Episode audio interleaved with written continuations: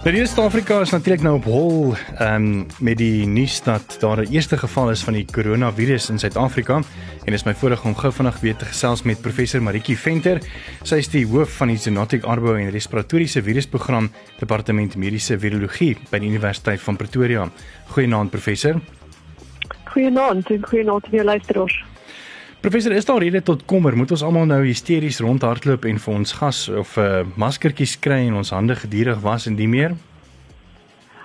Um, ek dink dit is rede vir tot hysterie nie. Ek dink jy weet op die oomblik by een ingevoerde uh, geval in Suid-Afrika, die persoon het uh, na Italië gereis en teruggekeer en hy is opgetel, so dit wys op die stelsel werk om pasiënte te kan of potensiële pasiënte te kan identifiseer. Um daar's nie uh, weet wyd verspreide um, verspreiding van uh, COVID-19 op die oomblik nog in Suid-Afrika nie. Ehm um, natuurlik is met met tydens enige uitbraak van influenza of enige ander respiratoriese siektes, is dit maar altyd 'n goeie idee om weet bietjie jou afstand te hou van mense wat siek is en jou ja. hande te skoon te was en so aan, maar dit is ek dink nie op hierdie stadium met onvrede om baie ernstiger weet bekommerd te wees as 'n week terug nie. Ja. En uh, die mite van mense met nou vinnig hardloop en vir hulle griepinspuiting kry, gaan dit werk? Um wel die griepinspuiting is altyd 'n goeie idee hierdie hmm. tyd van die jaar. Die griepseisoen in Suid-Afrika is tussen Mei en Augustus.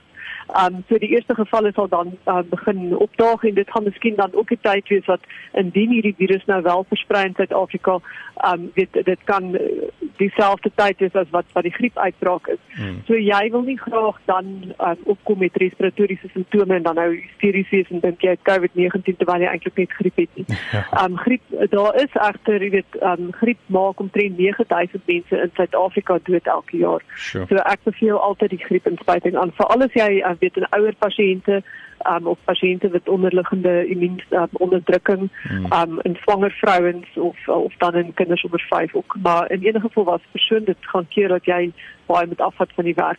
Jy wil ook nie graag 'n koinfeksie hê met griep en um, COVID-19 nie want jy ons weet nie of dit dalk ernstiger kan maak nie. So definitief gaan kry jy griepinspuiting vir die seisoen begin.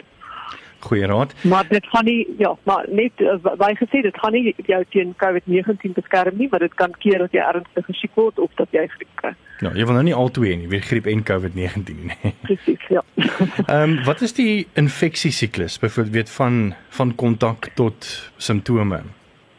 Weet jy? Um, so op die oomblik is dit gebaseer basies op wat gesien is met vorige koronavirusse soos met SARS um, uh, wat in 2002 uitgebreek het um, en dan die weet die uh, van van die inligting wat ons reeds het op COVID-19 dit lyk of dit uh, weet tussen 3 en 14 dae is so indien jy um, in die laaste 14 dae na omgewing uh, weet gereis het waar daar uh, wyd verspreide um, uh, verspreiding is van COVID-19 tussen mense hmm. en jy het enige simptome van um, as jy uh, hoes of koors het en en um, sukkel om asem te haal as uh, jy weet ernstiger uh, influenza tipe simptome dan um, moet jy 'n dokter gaan sien maar dan spesifiek vir die sê dat jy gereis het na daai omgewing.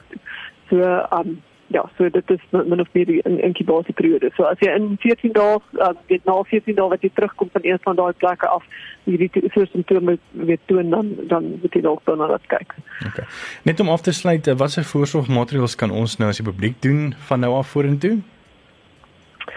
Ehm um, wel oor die algemeen soos ek gesê het, altyd maar as iemand uh respiratoriese simptome wys, probeer om jou afstand te hou um was jou hande gereeld? Die meeste van hierdie soort virusse word oorgedra deur um as jy in oppervlaktes raak en dan jou gesig raak nie jy weet as jy um in 'n publieke omgewing uh, uh, uh, uh, loop jy aan, aan jou gesig vat nadat jy aan vuil vuil oppervlakte gevat het nie.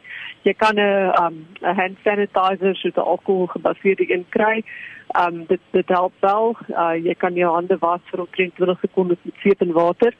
Um die wêreldgesondheidsorganisasie um beveel eintlik nie spesifiek maskers aan nie um as jy nie 'n masker reg gebruik nie kan jou kans om geïnfekteer word eintlik hoër wees so jy moet dit nooit hergebruik nie mm.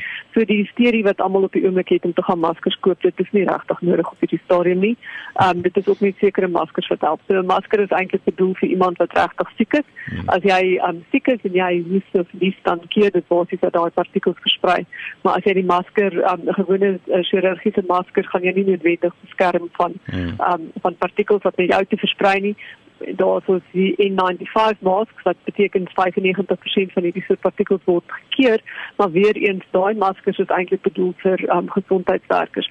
So as ons almal nou hysteries is en gaan koop al daai maskers op en daar's niks vir hulle om te gebruik in hospitale nie, is ons kans om blootgestel te word eintlik hoër want dit ja. hierdie virus het begin gewoonlik versprei in hospitale. So wat jou hande jy sorg dat jy um, nie te naby aan mense kom wat siek is nie, moenie in jou gesig vat nie as jy hoes of nies um weet uh, maak jy hande skoon in 'n in 'n um en goeie tissue weg en dan weet probeer om dan in jou arme ook te te hoes of nie in jou hande. Professor Venter baie dankie vir jou tyd vanaand en uh, baie dankie ook vir die inligting wat jy met ons gedeel het. OK, dis 'n plesier, dankie. Dis professor Maritjie Venter, sy is die hoof van die Zoonotic Arbou en ook respiratoriese virusprogram by die departement van mediese virologie by die Universiteit van Pretoria.